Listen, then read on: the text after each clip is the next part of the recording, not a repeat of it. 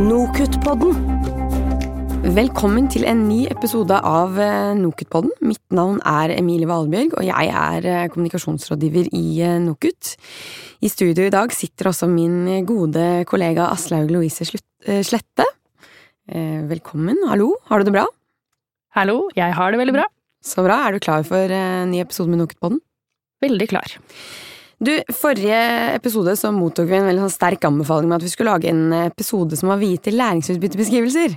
Eh, nå håper jeg ikke det blir eh, for mye skuffelse der ute når man hører at dagens episode ikke er direkte, eller skal direkte handle om det. Eh, men vi skal snakke om noe som vi kan si er nært eh, beslektet, eh, Aslaug. Fordi dagens episode skal handle om pensum. Ja, det skal det. Eh, Pensum utgjør jo en stor del av hverdagen til studentene ved norske universiteter og høyskoler. Ja, en stor del av hverdagen til underviserne også. Eh, For studentene så er det vanvittig mye å lese og forstå, og for eh, underviserne så er det et stort arbeid å ja, formidle pensum på en god måte, og ikke minst beslutte hva dette pensumet skal være. Nettopp. Så i dag så skal vi rett og slett eh, børste litt støv av pensum som en viktig brikke i høyere utdanning. Men eh, som kanskje noen ganger kommer litt i skyggen av litt mer sånn heftige diskusjoner om eh, mer sånn læringsutbytte og vurderingsformer. Og hva skjer når eh, studentene går seg ville i, denne, i disse pensumslistene? Hvordan kan de unngå å gå seg vill? Og hvilke alternativer finnes det til tradisjonell pensumstenkning? Dette er noen av de spørsmålene vi skal prøve å komme oss gjennom i dag. Eh, og det er jo ikke sånn at vi sitter her alene, Aslaug. Nei, for vi har som alltid med oss eh, gjester i Noktpodden. Og vi kan starte med å introdusere Ranveig Grønn, eh, Grøm Sæle, førsteamanuensis ved Institutt for psykologi ved UiT. Du er faktisk med oss via Skype. Hallo til deg. Hallo, hallo. Hallo. I tillegg så har vi med oss eh, forfatter av boken Superstudent, eh, og det er en bok som en, en bok om studieteknikk, rett og slett, skrevet av en som selv gikk fra å være en gjennomsnittselev til eh, toppstudent, skal vi, sto, eh, skal vi tro eh, beskrivelser av boken, eh, ved hjelp av studieteknikker. Så dette er altså en bok for dem som ønsker å lykkes med, med studiene, rett og slett. Velkommen til deg også, Olav eh, Skjeve. Takk for det. Ok, vi bare går eh, rett på, vi, gjør vi ikke det? Eh, Ranveig, jeg tenker vi kan starte litt med, med deg, for en av utfordringene det er jo ofte litt sånn hvordan angriper studentene pensum? Eh, som student så er det veldig lett å, rett og slett fordype seg feil og rote seg litt eh, bort, og du har gjennom ditt doktorgradsprosjekt fulgt opp studenter eh, og hvor mye tid de legger ned i studiene, og sammenlignet dette med sjansen for frafall. Og da fant dere noe interessant når dere sammenlignet studenter som virkelig liksom fordyper seg, og de studentene som mer skumleser pensum. Kan du ikke fortelle oss litt om det? Jo, det, det kan jeg gjøre. Eh, Jeg kan si litt om bakgrunnen først. da. Vi, vi har jo flere og flere studenter som kommer inn i høyere utdanning, men så er det bare 60% som kommer ut med en grad. Eh, Så jeg er opptatt av hva det er som gjør at studentene lærer bra, og hva som gjør at de fullfører studiene sine. Så vi undersøkte derfor ulike variabler blant, studie, blant studenter på eh, alle ulike studieprogrammer ved UiT. Og så kobler vi svarene med karakterer og gjennomføringsgrad. Eh, og vi spurte bl.a. om hvor mye arbeid de la ned i studiene. Eh, andre ting vi spurte om, var læringstilnærming. Eh, og så er det eh, Dyp læring, eller dybdelæring, er jo et moteord for tida, men det konseptet er jo ikke nytt. Begrepet oppsto på 70-tallet, først hos to svenske forskere, faktisk. Og For å si litt sånn raskt og forenkla hva dyp læring er, så er det når man har en tilnærming til læring hvor man søker en mening i materialet og prøver å forstå det man lærer. Man knytter ny informasjon til ting som man kan fra før, slik at man når en dypere helhetsforståelse. Og En sånn dyp læringstilnærming er ofte også knytta til indre motivasjon, altså at man ønsker å lære noe fordi man faktisk ønsker å forstå et fag. Og En slags motsetning til dette er overflatetilnærming, som er mer karakterisert av pugging fram mot en eksamen for å gjengi mer enn å forstå. Av og til så må man jo pugge, men det er ikke så lurt å bare lene seg på sånne teknikker.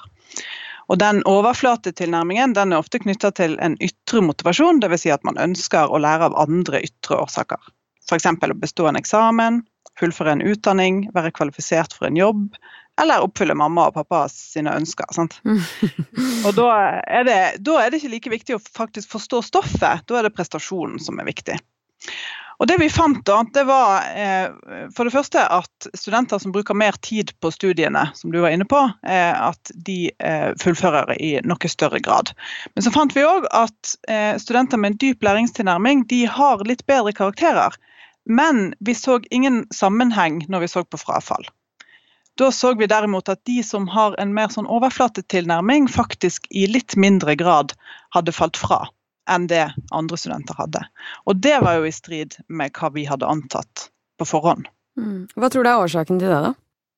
Vi har, eh, vi har, ikke et design eller data som gjør at vi kan si noe helt klart om eh, hvorfor det er sånn. Men én hypotese kan være at studenter med en dyp læringstilnærming blir mer fokusert på læringsprosessen, og nettopp kanskje går seg litt vill da, i sin egen læring. Og mister eksamensfokuset, kanskje. Og det burde jo være en god ting. Ja. Men eh, At man har evne til å fordype seg i læringen. Men samtidig så kan det få negative konsekvenser da, for den eksamen sant, og for studieløpet. Mm. Og kanskje er det òg sånn at vi på noen studier og emner har rigga oss sånn at det er lettere å komme gjennom og prestere bra hvis du bruker en overflatisk tilnærming. Kanskje er det sånn at de som i utgangspunktet ønsker en dypere forståelse, likevel tyr til teknikker som er forbundet med overflatelæring for i det hele tatt komme i mål. Riktig, ja. Det kan ha noe med mengden pensum uh, å gjøre også. For eksempel. Men um, riktig, så enkelte studenter bruker kanskje litt for mye ressurser, rett og slett, på å lære seg stoffet, sånn at de ikke klarer å opprettholde det over tid? Mm, det kan hende. Mm. Olav, eh, det kan jo virke som at dette er jo mennesker som er midt i målgruppa for boka di. Eh, nettopp de som, eh, som, bruker for mye tid og, og til slutt kanskje går seg litt eh, vill. Mm. Er det riktig? Uh, jeg tror det er ganske stor, eller det vet vi at det er en ganske stor overgang fra videregående skole til uh, høyere utdanning. Og en av de store overgangene er at du har et utrolig stort pensum, og det er lett å gå seg vill, eller det er lett å tenke at man skal komme seg gjennom alt, man skal lære seg alt like godt, og så på et eller annet tidspunkt så skjønner man at det har du rett og slett ikke tid til. Um, og så føler man kanskje at man drukner litt, og så får, får man forsøke å, å, svømme til land så, så godt man kan. Mm, nå var det mye gode sånne metaforer her. Mm. Men, eh, men, var det litt av motivasjonen din for å skrive boken, rett og slett? At, dette her med, at det er vanskelig, den der overgangen, og hvor skal man starte, hvordan skal man angripe pensum? Det er vel noe som underviseren også, også lurer litt eh, på, rett og slett. Du kan jo kommentere på det etterpå, Ranveig, men var det litt av motivasjonen din? Ja, altså jeg synes, eh, jeg synes ikke det er så mye hjelp å få for studenter um, med å lære. Man får veldig god støtte for å lære fag, men ikke for den prosessen med å være student og, og komme seg gjennom fag, lykkes med den studentrollen. Så, så, det var det jeg ønsket å gjøre et bidrag til, og, og det er det Superstudent handler om. Mm. Ja, Hvis jeg kan få lov til å kommentere raskt på det, så eh, skulle jo jeg ønske at ikke du trengte å skrive den boka, Olav. For jeg mener jo faktisk at institusjonene bør ha ansvar for nettopp å lære studentene det. Vi vet at overgangen fra videregående er stor, og at det kreves noe helt annet når man studerer høyere utdanning. Så eh, På en god del steder, bl.a.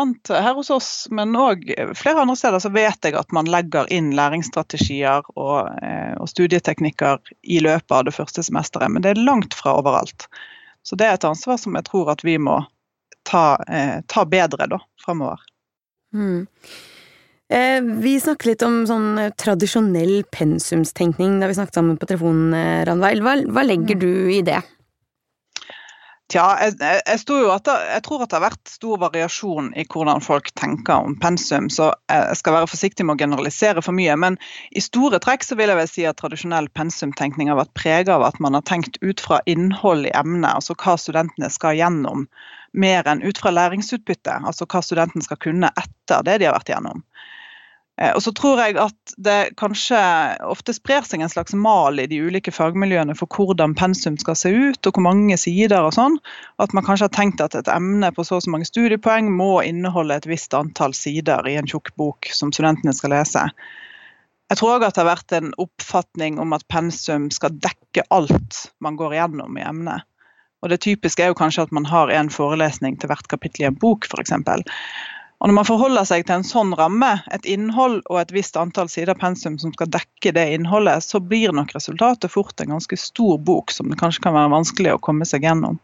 Det nikkes veldig i studio her. Har dere lyst til å legge til noe? Ja, jeg tenker eh, nettopp på at du har studert både i Norge og i USA, Olav. Har du noen kommentarer til det Ranveig sier her? Jeg sitter og nikker både utad, utad og innad. Jeg er helt enig. Jeg tror fokuset har vært på innhold og hva man burde, hva man burde kunne noe om. Og da er det veldig vanskelig å begrense seg, så man ender opp med et veldig stort pensum. Ikke nødvendigvis på hvilke ferdigheter man skal ha når man er ferdig. Jeg har studert i Norge og i USA og i Storbritannia, og det er sikkert Jeg kan nok ikke uttale meg om høyere utdanning generelt i tre ulike land, men uh, det jeg merket da jeg var i Oxford i Storbritannia, var at de var veldig flinke på også um, på også på, på pensum, synes jeg. Vi hadde et, eh, vi hadde et fag, blant annet, hvor de Det var bare 100 sider pensum i det faget, og det begrunnet foreleser med at vi vet at studentene har ikke tid til å lese gjennom en 800-siders bok. Mens i Norge så er det litt mer følelse av at man får den 800-siders boka, og så er det mange som ikke får lese gjennom, og noen som prøver å lese gjennom, og noen som leser gjennom hele, men kanskje ikke lærer seg faget like godt. Mm. Det er jo du enig i, Ranveig? Dette med ja, jeg tror dessuten at hvis man skal ha en 800 sider lang bok, så er det vanskeligere å plukke ut hva som faktisk er vesentlig. Eh, for det vil alltid være noe på de 800 sidene som ikke er så viktig. Og det tror jeg at de fleste studenter trenger litt hjelp til å identifisere. Mm. En annen ting, vi var jo innom det innledningsvis, dette med pensum som en viktig, viktig brikke. Um, og hva er det som egentlig avgjør at noe kommer med på en sånn pensumsliste, eller hva er det man tenker på når man lager en pensumsliste? Um, og dere har jo vært innom det litt allerede. Altså Læringsutbyttebeskrivelse og vurdering er jo eh, selvsagte ting, men det er dette her med læringsform, mer sånn læringsaktiviteter, som, som ikke nødvendigvis tas så stor hensyn til, Aslaug. Hva tenker du om det? Er det en utfordring vi sender videre til våre medfolk i studio? Ja, absolutt. Jeg syns det var interessant eh, det du sa eh, i stad, eh, Ranveig. Dette med at de som kanskje De studentene som går i, i dybden, da, og, og, og, involverer seg. Det ordet som også du bruker, Olav, i, når jeg har hørt deg snakke tidligere. Involverer seg i pensum, er i en såkalt aktiv læringsprosess, da. Eh, at det kanskje nesten kan liksom falle litt sånn galt ut, da. At de, de, vikler seg rett og slett inn i sin egen læringsprosess. Og, og du nevnte jo um, dybdelæring som et moteord. Og da kan vi også si at studentaktive, eller studentsentrerte læringsformer er også et moteord. Mm. Um, og det ble et sånt paradoks at jeg tenkte på uh, i stad. Um, fordi uh, hvis vi tenker litt på Altså didaktikk, ikke sant, handler om hvordan vi gjennomfører og planlegger og reflekterer rundt undervisning. Og uh, man kan jo tenke seg at det er to måter å, å, å, angripe nettopp dette med innhold på. Man kan tenke at pensum er innhold, sånn som du nevnte i stad, Randveig, men så kan man også tenke seg, eller det fins uh, uh, forfattere, forskere, ikke sant, som, som syns at man kan godt si at innhold både er type pensum, men også læringsaktiviteter. At det kan også være en form for, for innhold. Um, og, og kan du sende ballen til begge, begge, dere, egentlig, både som underviser og student og forfatter. Um, I hvor stor grad kan på en måte læringsaktiviteter da, uh, være med på å styre både valg og, og formidling av pensum, og også tilegnelse av pensum? Ja, um, i ganske stor grad. Og egentlig så tenker jeg at vi bør se på pensum som én av mange læringsaktiviteter. Det er, ikke, en, det er jo ikke aktiv læring å sitte og lese pensum, men pensum eh, bør egentlig være en av de støtteressursene eh, som studentene har for å oppnå læringsutbyttene i et emne. Eh, så jeg tenker at Dette henger jo sammen på mange måter. I, i kvalifikasjonsrammeverket så har jo ikke egentlig pensum noe plass, fordi at det er læringsutbyttene som skal måles mm. eh, på eksamen. Og i de fleste tilfeller så vil det være veldig nyttig for studenten å ha noe litteratur å lese. Eh, men man kan kanskje tenke nøyere gjennom om den litteraturen man setter opp, er obligatorisk f.eks., eller om eh, man kan sette opp litt mer sånn anbefalt eller sentral litteratur. Eh, og så kan kan man kanskje tenke mer på da, hvordan den litteraturen henger sammen nettopp med læringsaktiviteter. Fordi at nå vet vi ganske godt at aktiv læring gir bedre eh, læringsutbytte enn passive forelesninger. Sånn at eh, det, vi, vi, må legge til rette for at studentene skal kunne bruke flere varierte læringsaktiviteter i eh, undervisninga. Og da tenker jeg at det som er viktig, er at vi bytter ut noe av den tida som studentene skal bruke på å lese pensum eller høre på forelesninger, med å gjøre andre typer læringsaktiviteter. Mm. Og Måten man kan koble det sammen på, kan jo f.eks. være at hvis, hvis læringsutbyttet er at studenten skal analysere ulike teorier på et fagfelt, f.eks., så kan en læringsaktivitet være en diskusjon hvor studentene skal representere hver sin teori. Og I så fall så kan relevant litteratur være kunnskapsoppsummeringer av empiri som tester disse teoriene, sant? eller debattartikler i fagtidsskrift f.eks. Og Da leder vi de mer inn i en, i, i en, akademisk tradisjon, mer enn at de bare skal sitte og lese en bok eh, og prøves på det seinere. Mm. Hvordan klinger dette i dine ører, Olav? Veldig godt. Jeg tror at um, det er veldig lurt også å se på hva det er man vil at studenter skal kunne når man er ferdig med et studie, og så se kanskje hvilke aktiviteter eller hvordan man bør bruke tiden for å oppnå de målene, og så se hvilken rolle pensumlitteratur kan ha for å støtte det arbeidet, istedenfor å ta utgangspunkt i pensum og så designe studiene sine.